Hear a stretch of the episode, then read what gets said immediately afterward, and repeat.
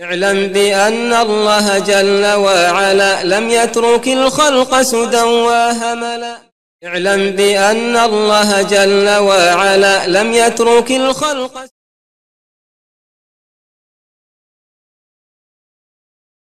بالله لا حول ولا قوة إلا بالله. اللهم لا سهل إلا ما جعلته سهلا وأنت تجعل الحسن إذا شئت سهلا اللهم أرنا الحق حقا وارزقنا اتباعه وأرنا الباطل باطلا وارزقنا اجتنابه. ولا تجعل الحق ملتبسا علينا فنضل. اللهم آت نفوسنا تقواها وزكها. أنت خير من زكاها. أنت وليها ومولاها. برحمتك يا مولاها برحمتك يا أرحم الراحمين. اللهم اجعلنا هداة مهتدين غير ضالين ولا مضلين. يا أرحم الراحمين. أما بعد sva hvala i zahvala pripadaju Allah, gospodaru svih svjetova, sveopćim, dobročinitelju, milostivom, vladaru sudnjega dana. Samo njega obožavamo i samo od njega pomoć tražimo. Koga Allah uputi napravi put, tome nema zablude. A koga Allah pravedno zabludi, ostavi, tome nema upućivača. Svjedočim da nema Boga sem Allaha, koji jedini ibadet zaslužuje i da je Muhammed sallallahu alaihi ve sellem njegov rob i posljednji njegov poslanik. Neka je Allaho blagoslov i spas na njega, njegovu porodicu, ashabe i sve one koji slijede put Kur'ana i sunnata do sudnjega dana, a zatim došlo je vrijeme za Allahu pomoć da iz četvrtog pokušaja završimo komentar prvog poglavlja iz Kitabu Tevhida. Došli smo do hadisa Muaza radijallahu anhu koji bileži Bukhari i Muslim svoji dva sahiha da je rekao kuntu radife nebiji sallallahu aleyhi ve sellem ana himarin jahao sam iza poslanika sallallahu aleyhi ve sellem na magarcu pa me je upitao ja Muad تدري ما حق الله على العباد وما حق العباد على الله O Muaze, znaš li ti šta je pravo Allaha kod ljudi i pravo ljudi kod Allaha subhanahu wa ta'ala. Rekao sam mu, kultu Allahu wa rasuluhu a'lam, Allah i njegov poslanik najbolje znaju. Pa je rekao, حق الله على العباد أن يعبدوه ولا يشركوا به شيئا وحق العباد على الله أن لا يعذب من لا يشرك به شيئا pravo Allaha kod ljudi je da ga obožavaju i da mu širka nikako ne čini. A pravo ljudi kod Allaha subhanahu wa ta'ala je da ne kažnjava ili ne kazni nikako onoga komu nikako širke ne čini. Upitao sam o Allahu poslaniće da li da obradujem ljude, da li to, da obavijestim o tome ljude pa da ih obradujem, kaže la tu beširhum fe tekinu. Nemoj da ih obraduješ kako se ne bi na to oslonili.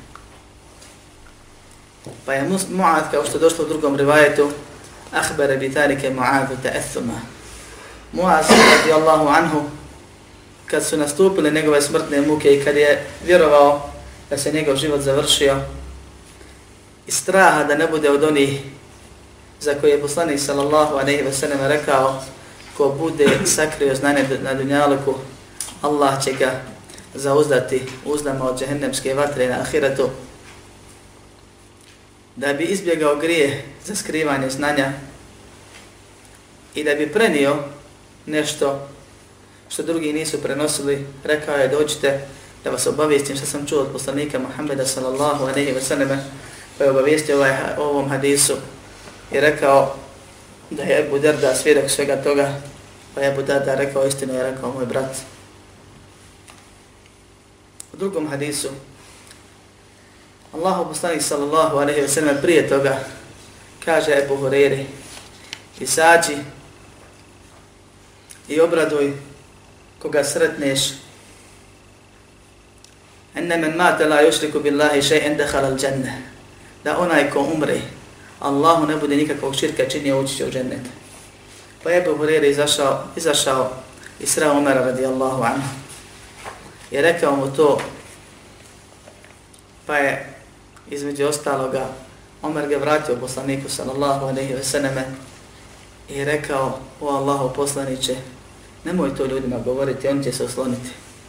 Pusti ih da rade, da se ne bi na to oslonili. Pa je poslanik sallallahu alaihi ve sellem rekao, pustite ih da radi.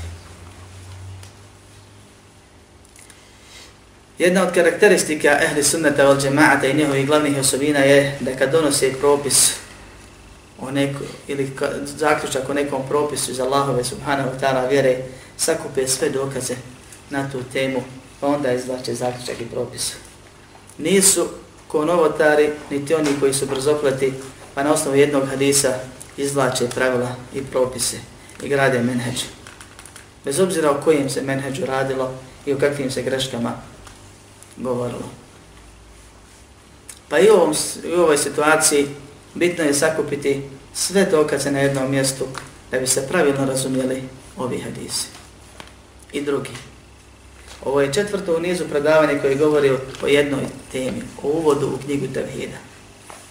O temi koja nosi naziv obaveznost obožavanja samo Allaha i odricanje od obožavanja svega sem njega.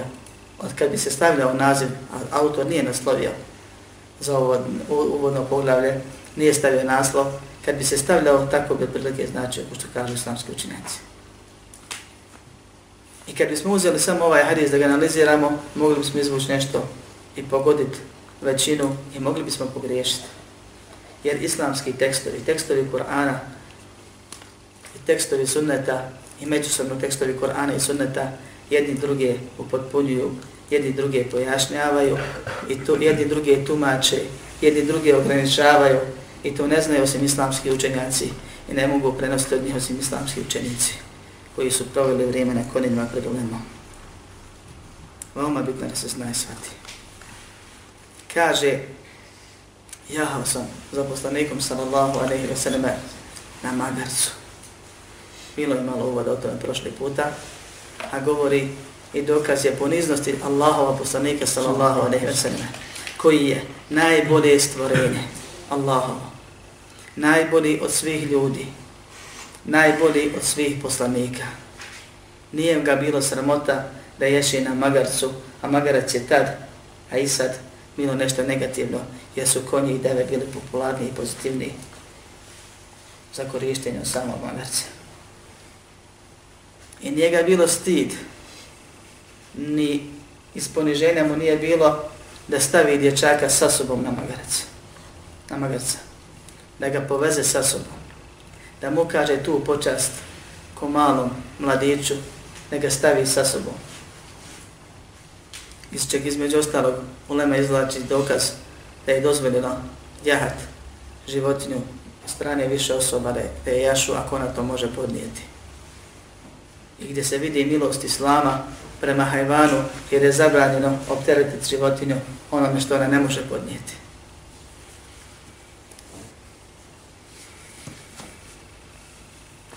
Pa je poslanik sallallahu alejhi ve sellem koji je poslan kao milost svim svjetovima.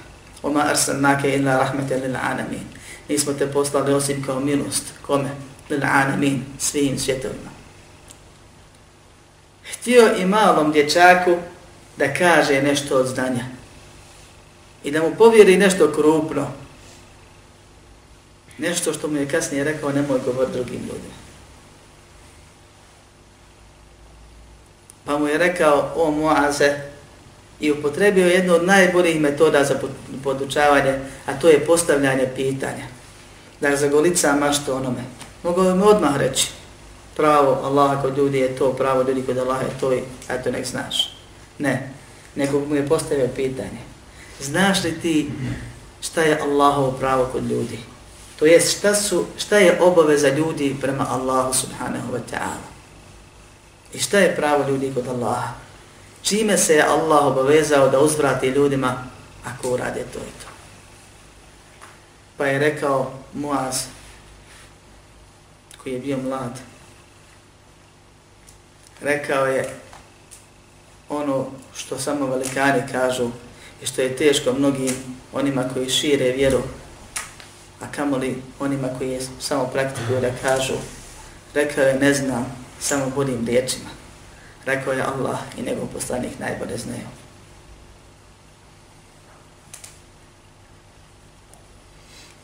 Kaže Allahu poslanik sa zem pitavši ga, znaš li ti? Pa odmah njegov mozak počinje da radi i razmišlja šta je to Allahovo pravo kod ljudi?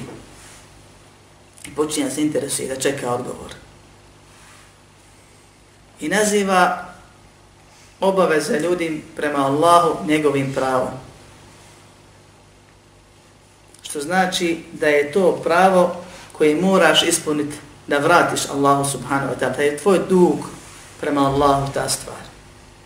I šta je pravo ljudi kod Allaha? Opa, što bi rekli neki. Imaju ljudi nekako, imaju Allah nešto dužan nekom. Pa dođu mu'tezile i kažu to je nemoguće. Mi u to ne vjerujemo, to se mora protumačiti. Ne može Allah nikom biti dužan. Otkud tebi pravo kod Allaha?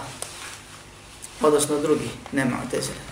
A mu'tezile kažu da, da, ti pokoran rob, ti radio se vape, ti se mučio, ti moraš da dobiješ platu. Ko da si na svojoj zemlji, ne na Allahove radio. I svoj, svoje tijelo iznajmio, a ne ono koje ti Allah stvorio. I po svojoj nekakvoj uputi, a ne po Allahove puti radio. Pa se razilaze, jedni kažu nema nikako prava Allah kod ljudi, a drugi kažu ima, ima pravo mi to kontamo i da nemamo hadisa, što njima svakako razum dokaz od. Ispravno je da ono što dođe od stvari u kojima se govori da je Allah sebi nešto propisao, da ljudi kod Allaha imaju nekakvo pravo, kao što je u ovom slučaju, ili neka druga stvar, da je to zaista pravo. I da čovjek treba da traži, ima pravo da traži svoje pravo na sudnjem danu. Ali nastanak tog prava nije zato što je Allah tebi dužan, nego što si ti zaslužio, nego zato što je Allah sebi uzeo u obavezu i svoje milosti prema nama. On je sebe obavezao da uradi nešto. Ja ibadi inni harremtu zulme ana nefsi, ođa'altuhu bejnekom muharremen fenate zanemu. O moji robovi, ja sam sebi nepravdu zabranio. I Allah nikad ni u čemu nije nepravda, ni prema kome. I da učinio sam je među vama zabranio, pa nemojte jedni drugima zuluma činiti. Isto ovde, pravo Allaha kod ljudi je, kao što je došlo da ne kazni onoga ko umre bez širka. I to je stavio od sunata vel džemaata, da ljudi imaju pravo kod Allaha, a da to pravo nije nastalo zato što su oni zaslužili nečim, nego zato što je Allah nas obavijestio jezikom svog poslanika Muhammeda sallallahu alaihi ve selleme, koji ne govori po hiru svome, već je to samo objava koja vam se objavlja, kako Allah u Koranu kaže da je sebi odredio to pravo da ljudi imaju prema njemu i da mogu tražiti na sudnjem danu. Ako se desi da neko preseli bez širka, malog i velikog, onda ima pravo da se nada i da očekuje i Allah mu neće ostati dužan da prođe bez kazne na sudnjem danu. Kaže, znaš li šta je pravo rabba kod robova i šta je pravo robova kod rabba? Pravo rabba kod robova je Hakullahi ala ibad, pravo Allaha kod njegovih robova je en ja'buduhu wa la yushriku bihi shay'a. Isto ono smo spomenuli u prvom dersu na samom početku, a to je da samo njega obožavaju i da mu nikoga ravni ne smatraju, odnosno da mu nikakav širk ne čini. I zato smo stvoreni kao što Allah subhanahu wa ta'ala kaže وَمَا خَلَقْتُ الْجِنَّ وَالْإِنسَ إِلَّا لِيَعْبُدُونَ Nisam stvorio džine i ljude ni zbog čega drugog, osim samo da mene obožavaju. I to je prva i najveća obaveza vjernika, i bit će ponovno govor o tome.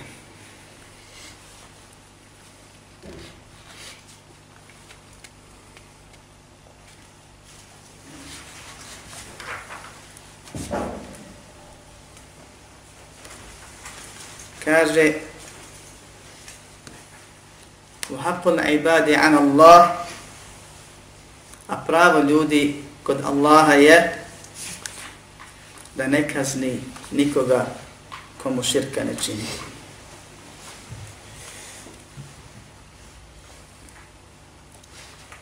Da ne kazni nikoga komu širka ne čini, a širk se dijeli na veliki i mali, veliki znači da činiš ibadet ili nešto od onoga što je posebno za Allaha, dakle da nešto od Allahovih osobina ili njegovih dijela, njegovog robobijeta, njegovog gospodarstva, kao što smo govorili, ili nešto od bilo koje vrste, makar i najmenih oblika ibadeta, učiniš nekom pored Allaha subhanahu wa ta'ala, u tom slučaju čovjek izlazi iz vjere.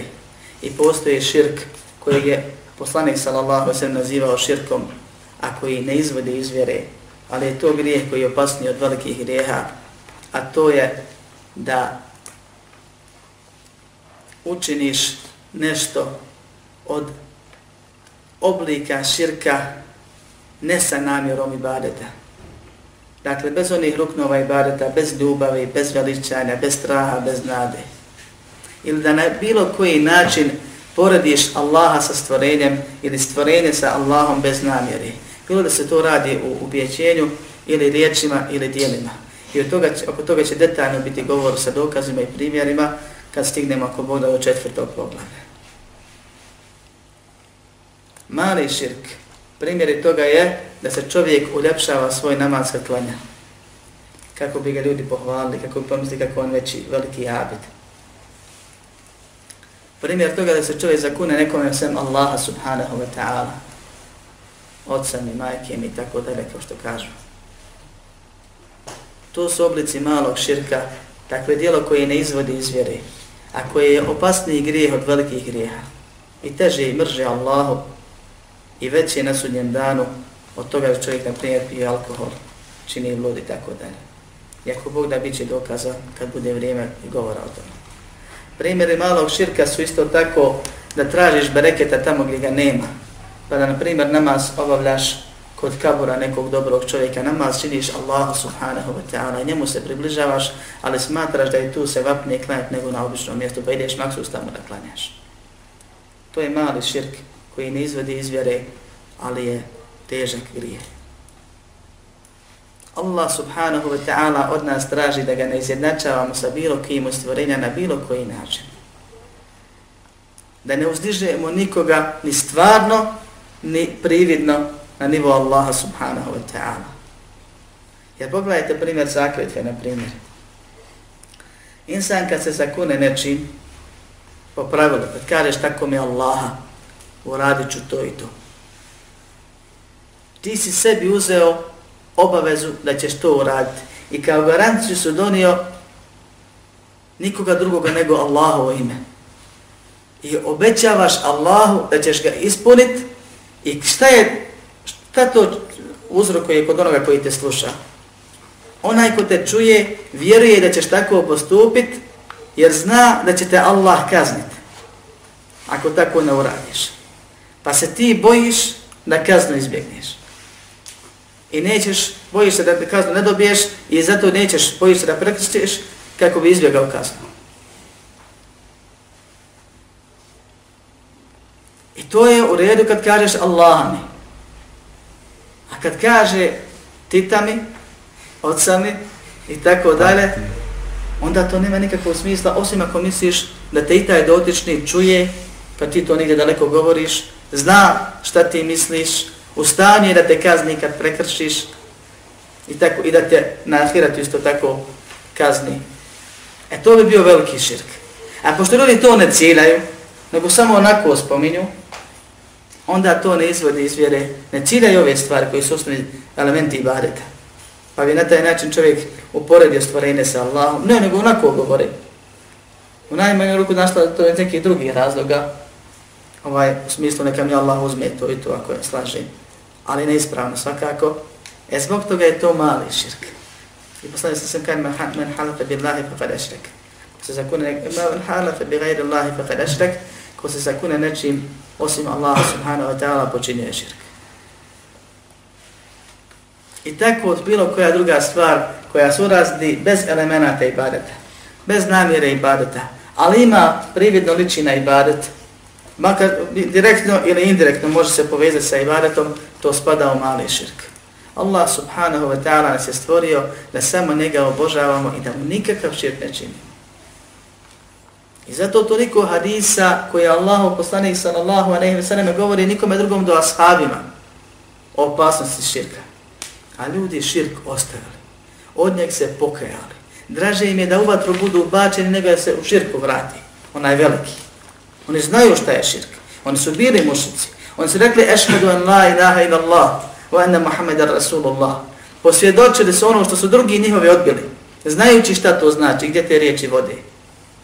I zbog toga, kaže poslanik sa svem u drugom hadisu, se ne boji zadnjih širka. I povratka u kufr, to je velikoga. Ali se boji toga i toga. Boji se zadnjih malog širka. Ehpafu ma ahafu alaikum širkom esbar. Najstrašnije, čega se ja za vas bojim, je mali širk. I većina hadisa koji govore o ovim stvarima, ili veliki broj hadisa, su na temu malog širka, koji je opasniji od mnogih drugih opasnosti koji vrebaju oko čovjeka, jer, su, jer je često skriven. Jako Bog da će govor o njemu. Želim ovdje napomenuti da oni su prihvatili tevhid, ostavili širk. I bilo im je drago kad čuju ovakav hadis.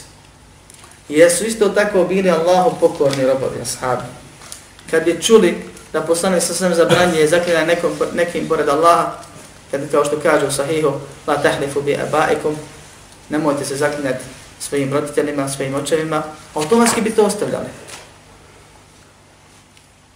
I bilo im je drago kad čuje ovakav hadis. I zato Muaz pita, o Allaho poslaniče, hoću reći obradovati ljudi. A prije toga Omer se zabrinuo jer se znao da će se ljudi osloniti. Mi ne činimo širka, čuvat ćemo jezik, čuvat ćemo misli, čuvat ćemo dijela i rad. Lakše se od toga ću sačuvati nego strasti i nekih drugih stvari. I onda ćemo polako i baditi sam koliko moramo. Pa kaže, nemoj Allaho poslaniće, ne daj, nemoj im govoriti da se ne osloni. Mi imamo jedan problem veći od njih, puno. Mi imamo problem što mi ne znamo što je mali širk. Mi upadamo u mali širk danju i noću. Nismo učili vjeru i ne učimo vjeru i ne zanima nas vjeru. I dokazi kad se pita prije predavanja šta ste proštali prošli puta, pa odgovor bude ništa. A da pitam ono što ste slušali, pa niste ni Buharija da zapamtite sat vremena što sam se priječi. Stvar je više nego ozbiljna, braćo. Allah subhanahu wa ta'ala nam daje stvar, daje nam priliku da uđemo u džennet bez polaganja računa ili da uđemo u džennet sa polaganjem računa, ali bez kazne. Dakle, nam se izlože naša djela i pita, jesi li to uradio i ti kažeš jesam, od greha koji nisu širk. I Allah kaže, ja sam ti to pokrenio na alko, praštam ti na ahiretu. Pod uslovom da širka ne činiš. A kako ćeš se kloniti malo širka? Kad se sad zabrineš, kad te neko uplaši da ima mali širka, a već si godinama u islamu. Kako ćeš se sačuvati nešto što ne znaš šta je? Ne može se povjeri iz neznanja raditi. Vjera se mora učiti.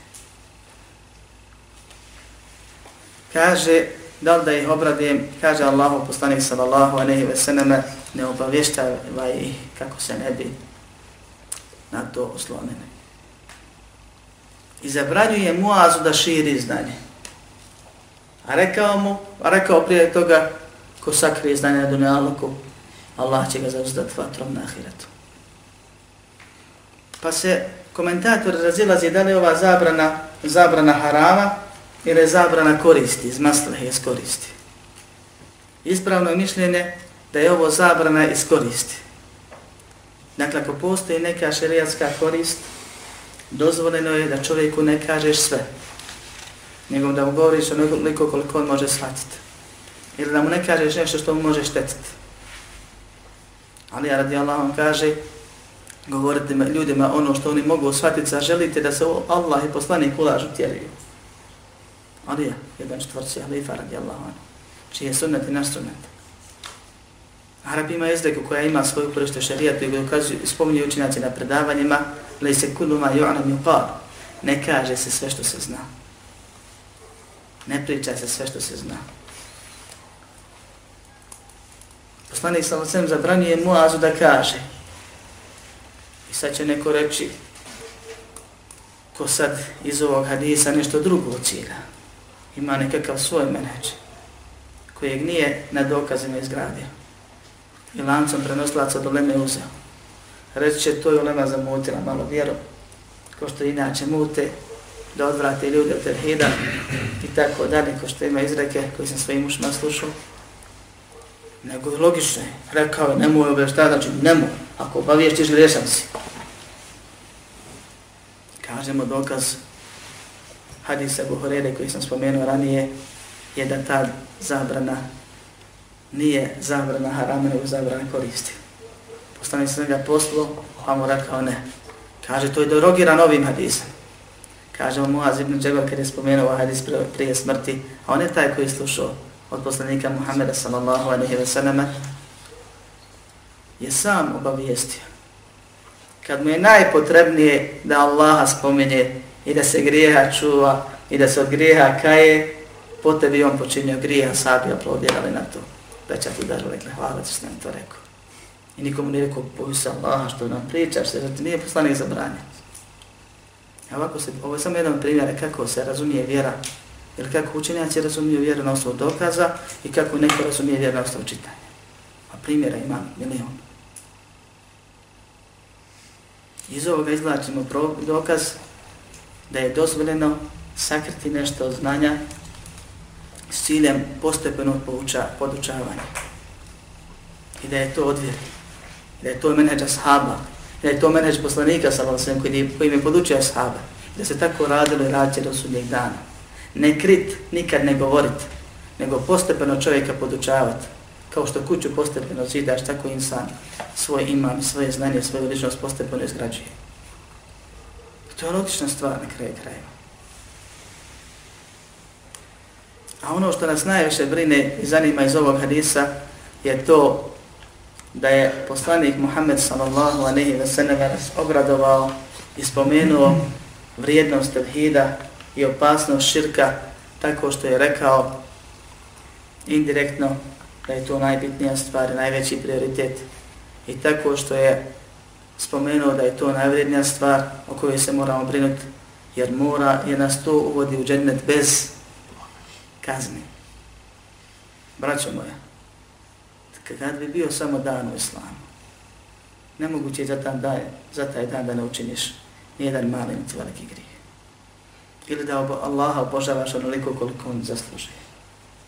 Ako si uspio sačuvati 24 sata od greha, pa nisi uspio potpuniti nijedan svoj ibadet, ne kažem sve ibadete tokom toga. I ti si već kaznu zaslužio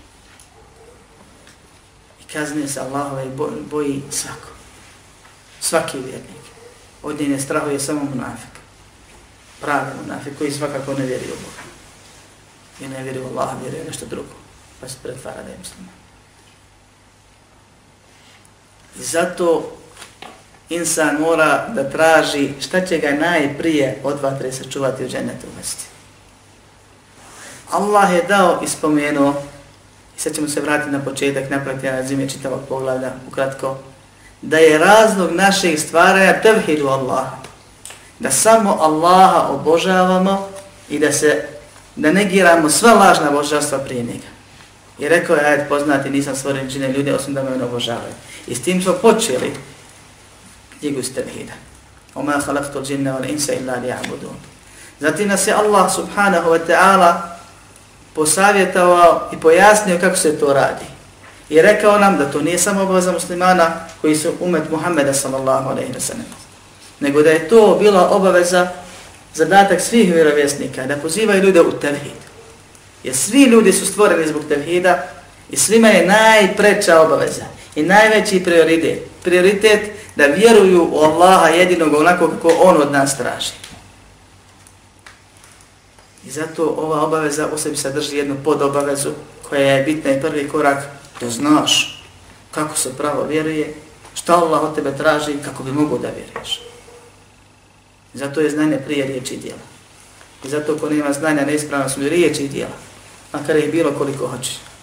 I zato onaj ko nije znanje uzeo od onih koji znaju, taj nema znanja, taj ima svoje shvatanje. Makar dokazivo ajetom i hadisom, Braćo moja, takav ne dokazuje ajetom, ne tako dokazuje svojim shvatanjem ajeta i hadisa. To je jako bitno se shvati. čitira ajeta, pogrešno ga razumije. I onda kad mu kažeš ne odnosi se na to, kaže ajet je jasan. A niko s tim razumivanjem prije njega nije došao. Ili su došli neki sektaši prije njega, koji su ashabi, tavini i drugi nakon njih osudili na vrijeme kad se pojavili.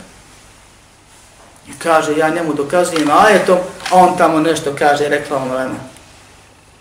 Nešto mi muti jasnu stvar. Ne dokazuješ ti ajetom, ti dokazuješ svojim shvatanjem ajeta. A tvoje shvatanje nije dokaz nikakav. Nije što. Kaže Allah uzvišeni, وَلَقَدْ بَعَثْنَا فِي كُلِّ أُمَّةِ الرَّسُولَ نَنِعْبُدُ اللَّهَ وَيْشْتَنِبُ التَّعْبُوتِ Mi smo svakom umetu poslanika slali da Allaha obožavaju i taguta se kloni, a tagut je u širijem smislu riječi sve što se obožava sam Allah subhanahu wa ta'ala uzeto od riječi Allah tega jetka, što znači prijeći granicu. I od toga je tugijan prelaza granice. Kad čovjek prijeće granicu sobom ili drugim, kad sam sebe uzdigne na stepen božanstva pa traže ljudi, drugi ljudi ga obožavaju ili da mu se u haramu pokoravaju ili da slijedi ideologiju koju oni izmisli na suprotne šarijatu ili kad čovjek preko drugoga prijeđe granicu tako što slijedi nekoga tako što ga obožava ili mu se u haramu pokorava ili slijedi njegovu ideologiju koju on izmislio, a koja je suprotna šarijatu. To je tagut. Širim, to je definicija taguta. Sve što se obožava sam Allaha subhanahu wa ta'ala i kao što kaže šeha Abdullah bin Iman, Allah ga sačuvao, to je zajednički naziv za svako zlo. Kaže, svakom umetu smo poslanika slali da samo Allaha obožavaju i da se da taguta, da se klone taguta, odnosno da taguta negiraju kao što je to pojasneno u drugim tekstovima. Zato Arabi kažu pražnjenje je pre, prvi korak do punjenja. To jest ti moraš posledu isprazniti od nečega da bi napunio i drugom stvari. Inače to nije to. Nije potpuno. Pa se insan mora da očisti od širka, da negira sve što se obožava sam Allaha subhanahu wa ta'ala, da kaže la ilaha prije nego što kaže illa Allah pa da onda kaže obožavam samo Allaha subhanahu wa ta'ala, ali ovo kad kažem prije, to ne znači prije na sahat, na dan, na mjesec, na godinu, to isto vremeno ide. Jer samo obožavanje Allaha nije dovoljno. Bez negiranja nečeg što se obožava prema. To je ista stvar što vremeno. Ali kažem, ne može jedno bez drugog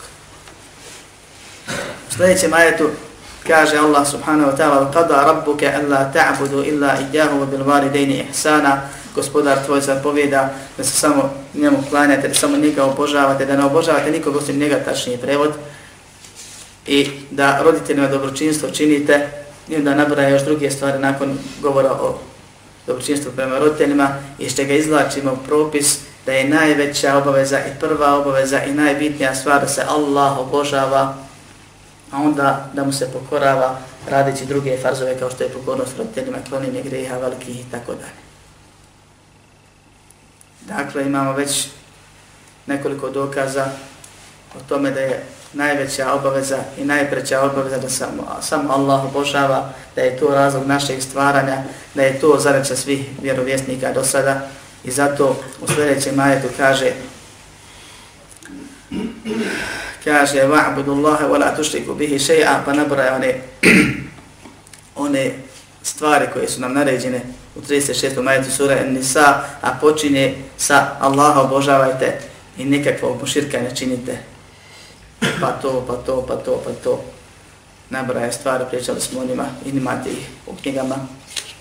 Što znači da je najveći farz tevhidu Allah, a zatim i do ostali farz vjere. S tim uvijek počinjamo Kad govori o haramima, Allah kaže قل تعالوا أتلوا ما حرم ربكم عليكم أن لا تشركوا به شيئا وبالوالدين إحسانا dođite da vam kažem šta vam vaš gospodar zabranjuje, da mu širka ne činite i da roditeljima pokorni bude, bude, dobro činite budete, pa prvo počinje sa širkom, koji je suprotan tevhidu. Pa je najveće zlo i najveća zabran, najveći haram u islamu širku, Allah subhanahu wa ta'ala, bez obzira da li se radilo velikom ili malom širku. I na kraju kaže u hadisu Muaza, poslanik sallallahu aleyhi ve sellem nas obavještava da je to pravo rabba kod robova i da je Allah toliko voli to pravo da sebi uzeo da je sebi uzeo obavezu da ne kazni one koji ga upotpune, koji dođu sa tevhidom u Allaha subhanahu wa ta'ala i da im pređe preko drugih grija.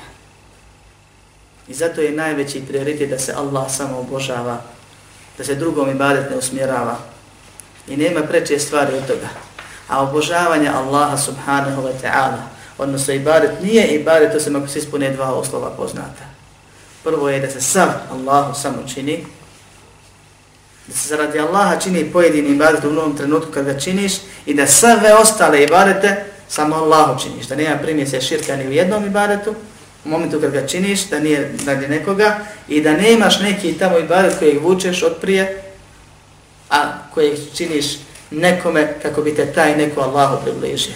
Šehovima, kaborovima, pećinama, drveću i ostalo i to nije ništa čudno i to nije nešto što se radilo prije hiljadu godina, to ono što se radi danas i radit će se do sudnjih dana.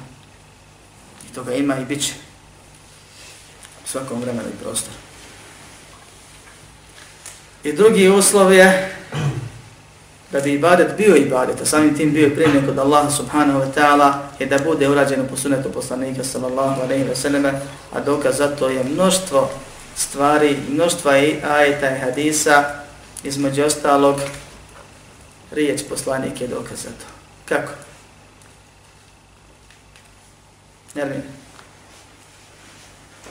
Samo nego praks kako on radio. Šta što je riječ poslanik dokaz da se samo Allah mora obožavati. Riječ poslanik. To da što, što znamo koga je poslao. Postoji neko koga je poslao. I šta još? Dobro. Kome je Sve poslan? Čime je poslan? Ne znam čime je i je poslao. Odlično, odlično. Zato što je poslan. S- Zbog čega je poslan? Da nam pokaže, obavijesti, da ostavi i pokaže praktično.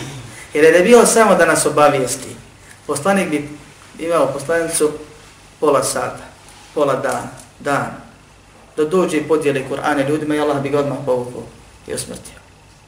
Nije to poenta. 23 godine nam je i riječima i dijelima pokazivao kako se Allah obožava. I zato kaže Allah subhanahu wa ta'ala فَمَنْ كَانَ يَرْجُوا لِقَاءَ رَبِّهِ ko bude želio ili strahovao, ko se bude nadali strahovao susretu sa Allahom subhanahu wa ta'ala, odnosno susretu sa Allahom subhanahu wa ta'ala, فَلْيَعْمَنْ عَمَلًا صَالِحًا neka radi dobra djela وَلَا يُشْرِكْ بِعِبَادَةِ رَبِّهِ أَحَدًا i neka u ibadetu ne čini širk Allahu ništa, nikoga, ni preko čega, ni na koji način. Sve ovo znači ta riječ, na sve se odnosi. Kaže neka radi dobro djelo. A kako znamo da je neko djelo dobro? Možemo se praviti pametni od Muhammeda sallallahu alaihi wa sallam ili se pokoriti Muhammedu sallallahu alaihi wa sallam i od njeg prepisati, naučiti kako se Allah obožava. Ovo drugo je jedino rješenje. Pa kaže poslanik sallallahu alaihi wa sallam Kulno umeti jedhuruna džennete illa min eba Svi će ući u džennet osim onaj ko odbije قيل من يأبى يا رسول الله قال من أطاعني دخل الجنة ومن عصاني فقد أبى onaj ko mi se rečeno je ko će to odbiti ko će odbiti džennet kaže ko mi bude pokoran taj će ući u džennet ako mi bude nepokoran a taj je već odbio i zato je slijedjenje a prije toga učenje detalja o sunnetu Muhammeda sallallahu aleyhi ve selleme dio najveće obaveze, dio vjerovanja u Allaha jedinog. I druga najveća obaveza, nakon što se odlučio, rekao neću obožavati nikom osim Allaha, samo ću Allaha obožavati, moraš naučiti kako se to čini. A to može samo po Rasulullah sallallahu aleyhi ve. Ne moraš ustrajati na tome, da naučiš ono osnovno što se tebe tiče. Ne traži se od tebe ne da ne držiš. Traži se od tebe da kad klanjaš, klanjaš po sunnetu. Kad postiš, postiš po sunnetu. Kad živiš, da živiš po sunnetu. Ako si trgova za krvi, trguješ po sunnetu. Kad se ženiš, da to bude po sunnetu. Ako te Allah iskušta, pa trebaš da se razvede, da, to, da razvedeš da to bude po sunnetu. Inače će nastati problemi koji traju dugo, a rješaju se tek na sudnjem danu. Nakon toga idu prioriteti ostali i bit će spomenuto to u hadisu, drugom hadisu, kada je poslanik sallallahu alaihi wa sallam poslao Muaza u Jemen, iako ako tome ga ćemo govoriti detaljnije, ako Bog da kad dođe vakat njegov, a to je da Allah subhanahu wa ta'ala nakon tevhida teoretskog, odnosno srčanog i jezičkog, naređuje praktični tevhida, to je obavljanje namaza, i da poslanik sallallahu alaihi wa sallam u hadijskoj bilježi ima muslim i drugi, u drugim hadisima kaže ko nema namaza, nema vjere, i to su riječi Muhammeda sallallahu alaihi wa sallam, nisu riječi nekakvih žestokih momaka koji to na svoj način tumače. I to se mora znati, to se mora vjerovati. I da je nama stup vjere, onaj stup u šatoru, glavni stup na koji se naslanjaju i ostali stupovi. Zekat, post, hađ, pa kad se izmakne taj stup propadne, čitav šator se raspadne, e tako i namaz, a ima ljudi. Onaj glavni stup, nosač, vjere. Pa nakon što čovjek povjeruje i klanja, onda ga upozoravaš na ono što ga se tiče, kad je Ramazan, objašnjavaš mu post. Ako ima novca, objašnjavaš mu da mu je obavezan da zekijat, da pa mu kažeš kako se zekijat daje po sunetu Muhammeda sallallahu alaihi sallam i ostale stvari. Nakon što shvati vjeru, taj ibadet prema Allahu subhanahu wa ta'ala, da mu objašnjavaš kako se to radi s ljudima i kako se ponaša prema ljudima, pa ga upozoriš na zulum, kao što je došlo u tom hadisu, i bit će ako bolja govara detaljnije o tome. Allah subhanahu wa ta'ala, kad govori o tevhidu, daje nam primjer Ibrahima, alaihi salatu wa salam, koji je rekao svom otcu i svom narodu, وإذ قال إبراهيم لأبيه وقومه إنني براء مما تعبدون إلا الذي فطرني فإنه سيهدين. Kad je rekao Ibrahim alaihi salatu wa salam, svome ocu i svom narodu, ja se u potpunosti odričem onoga što vi obožavate. Osim onoga koji me iz ničega stvorio, pa on će me uputiti. Jel se odrekao Ibrahim svega što su oni obožavali? Svega osim Allah. I to je jedan od dokaza za ono što sam govorio da je širk vjerovanje u Allah uz pridržavanje druga Allah.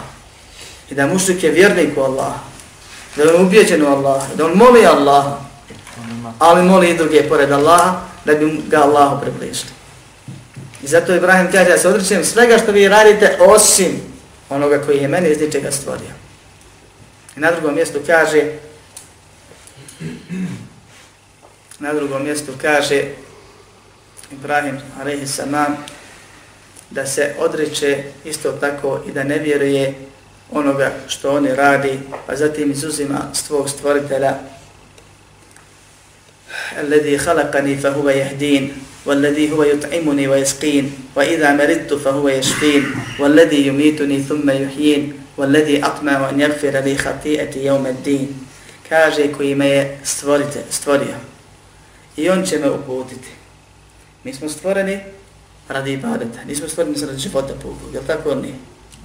Pa je najpreće u tvom životu da uputu dobiješ, prije hrane i piće. Alladhi khalaqani fa huwa yahdin. I on me upućuje. Zatim spomine onaj kome hrani i poji da nastaviš živjeti u pokornosti Allahu subhanahu wa ta'ala, zato je živiš. Zatim čovjek kad raste živi, onda dolaze problemi, bolesti, iskušenja, pa kaže, o idha meritu fa huwa yashfin, pa kad se razbolim, on me liječi. I on je taj koji me održava u životu, zatim će me usmrtiti. I on je taj koji kad me usmrti, on će me oživjeti. I kaže, od njeg se nadam da će mi greha oprostiti na sudnjem danu. E to je program života jednog vjernika. Ukratko. Da si stvoren i znaš što si stvoren, pa prvo što praviš uputu i najbitnija stvar ti je vjera tvoja. Kako je provodiš. I to je najveći prioritet. Pa onda kako ćeš jesti piti i život živjeti. Pa onda kad se razboliš, prvo se Allahu moliš da te izliječi, pa onda tražiš uzroke i liječenje od onoga što je Allah stvorio i propisao i ne ideš onima koji je Allah zabranio, jer je Allah taj koji lijek da bolest daje i Allah je taj koji je diži kad on hoće. I ne liječi se na haram način. I čekaš i nadaš se i doviš da te Allah poživi u islamu, a ne nekako drugačije. Jer znaš da ćete Allah usmrtiti i da to neće biti kraj, nego da ćete ponovno poživjeti. Pa se onda nadaš kad to sve ispuniš, da će ti Allah oprostiti na ahiretu. I to je, braćo moja, istinsko razumijevanje prioriteta vjere. Da ti vjera bude najpreća stvar u životu. I to vjera koja je ispravna jer mi ne živimo životom Nuha, da možemo svake 100 godina mijenjati menheđ. Pa probat ovo, pa probat ono, pa na kraju nekad vade i potrefimo. Ima jedan kratak život. Kaže, poslani sam sem život na dob mog umeta između 60 i 70 godina. To je neki prosjek koliko ljudi žive, a mnogi toliko ne dožive. I najpreća stvar ti je da budeš vjernik. A kad si već vjernik, da budeš ispravan vjernik. A ne možeš to znat tako što ćeš usnit usnu kako se bude ispravan vjernik i onda u se ti imaš alale. Ili ispijaći kahve, nego učeći, čitajući, pitajući, saznavajući, ponavljajući ono što znaš i tako dalje. Pa uvjeri, znaš prioritete. I kad ti praktikuješ, da ti bude najpreće da tvoj, svoju vjeru stavili, svoje vjerovanje, da očistiš od primjesa širka.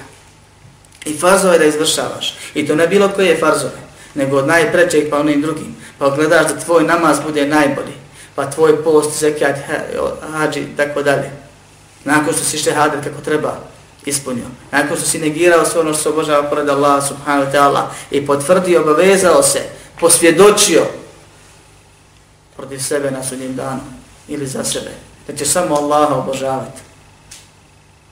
Zatim kad drugi podučavaš da to radiš mudro, a mudra riječ kad je Allah subhanahu wa ta'ala rekao udu'u ila sabili rabbike bil hikmeti wal mav'idati l-hasaniti wa jadilhum bil leti hi ahsan pozivaj na put svog gospodara mudro, to je sunnetom, ko što kažu, ko što kažu mufessiri, komentatori Kur'ana, sunnetom pozivaj. Ili neko misli da ima neko mudri od Muhammeda sam se. E, to je dokaz za takvo tumačenje. Pa zatim, lijepim savjetom. Koga? Prvi dođe lijede lijevom rukom. Gdje mu kažeš, brate, halale, nije dozvoljeno lijevom rukom, jeste lijevom rukom i ti kaže, Boga ti nisam znao. neću više nikad Allah te nagradio. I od tog momenta čovjek jede desnom rukom. E tako mi je dovoljno da, da ga podržiš sunetom. I to na najlepši način, jer je poslanik sa sam rekao, nije blagost bila ni u čemu da ga nije ukrasila i nije, nije, nije ovaj, bila uklonjena ni iz čega, a da ga nije unakazila. Znači ima ljudi koji znaju šta je sunnet, znaju šta je pravi put, znaju gdje se vjera može naučiti, znaju kako se vjera može naučiti. Ali kaže, vrata, znam ja to sve, ali eto, znaš, pusti me. Dunjalog me potjerao. Lijen sam. E takvog trebaš vazom lijepim da pozivaš. A šta je vaz? Zastrašivanje i obavesenjavanje da mu kažeš, brate moj, boj se Allaha, valja ti umrijeti, život je kratak. Allah je to zabranio, Allah se srdi nad, zbog toga. Ti se zaslužio kaznu kad to ne radiš. Pazi se. I tako više puta tako da to radiš. I znaj ako to uradiš, da se vapi biriš u grijehe, da Allah za taj taj sevap daje to i to. Da neće poživjeti nijedan sunet u zajednici, da se neće neki bidat iz te zajednice nestati. I tako dalje mu savjetuješ na najbolji način, postićeš ga kako što ga malo prepadneš, a malo obraduješ, obveseniš. Spominješ mu obećanja Allaha i poslanik sunca. Imaš ljude kojima ni to ne koristi. A kome to ne koristi? Onome koji je naučio pogrešno. Ako što kaže naš narod koji je pogrešno nasađen. A njemu moraš, njim ne moraš da se raspravljaš. A raspravljaš se može samo na jedan od dva načina. Ili blago ili grubo, nema trećeg načina. Ako raspravljaš grubo, pa znaj da Allah rekao svom poslaniku sallallahu alejhi ve sellem: "Wa kunta qalidan an faddu min hawlik." Da si ti bio grub i osoran prema kojim? Prema sahabima, prema najčvršćim i najboljim vjernicima On bi se razbježao od tebe. Ostanite ako hoćeš rezultat, da to činiš samo blago. وَجَادِلْهُمْ بِلَّتِي هِيَ أَحْسَنِ Kaže, i raspravljaj se s njima na najljepši način. Jer cilj rasprave sa nemuslimanima, ili sa novotarima, ili sa nekim koji je pogrešno nešto shvatio, a neće da prizna, je da ga popraviš, a ne da mu se nagovoriš.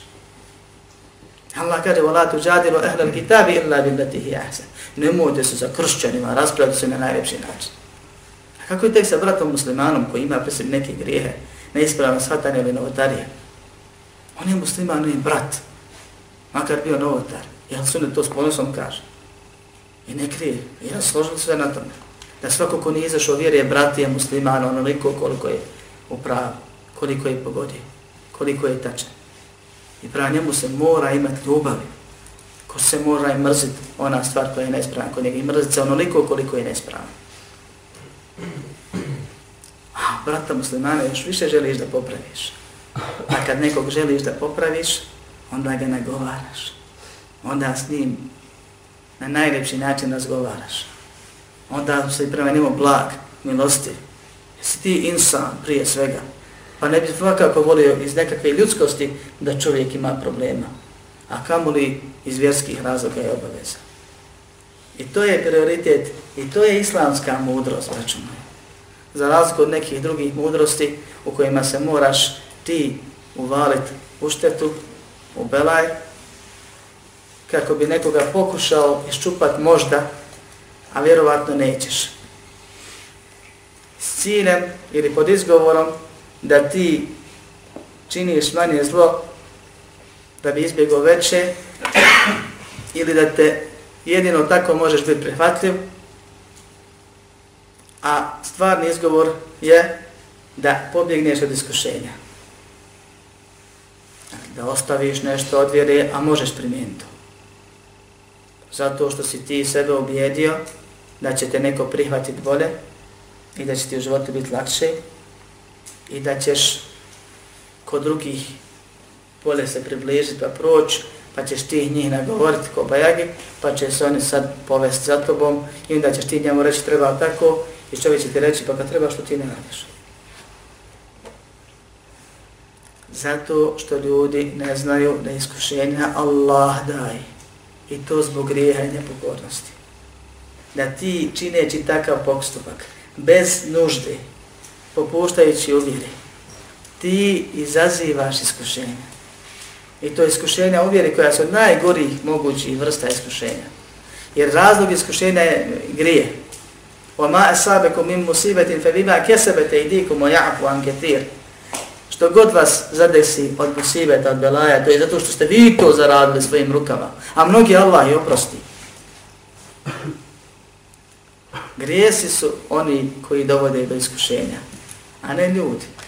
Ta iskušenja koja ti ljudi daju, koja su svakako sunnet poslanika Muhammeda sallallahu alaihi sallam, da se nešto ima od toga i da se trpi i svih poslanika, to su lahke iskušenja, to su podnošljive iskušenja. Jer Allah u Kur'anu kaže, la yukellifu Allahu nefsan illa vus'aha.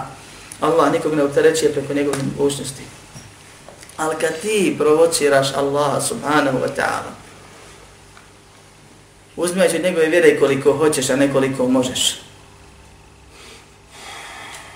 s namjerom da ti ispobjegneš od iskušenja ljudi, ti si, kao što kažu Arapi, poput onoga koji bježeći od dima, koji se krije u vatru, da pobjegne od dima. Jer niko ne kažnjava žestuko kao on, subhanahu wa ta'ala. I niko ti ne može napraviti belaj kao on, subhanahu wa ta'ala. I niko te ne može iskušati kao on, subhanahu wa ta'ala. I zbog toga je najpreće da se bude dobar sa Allahom. A po Allahovim propisima da se bude dobar sa drugim ljudima. S kim se može biti dobar i koliko se može biti dobar. Želim napomenuti ovdje da je haram izazivati iskušenja. Da je haram tražiti i izazivati iskušenja.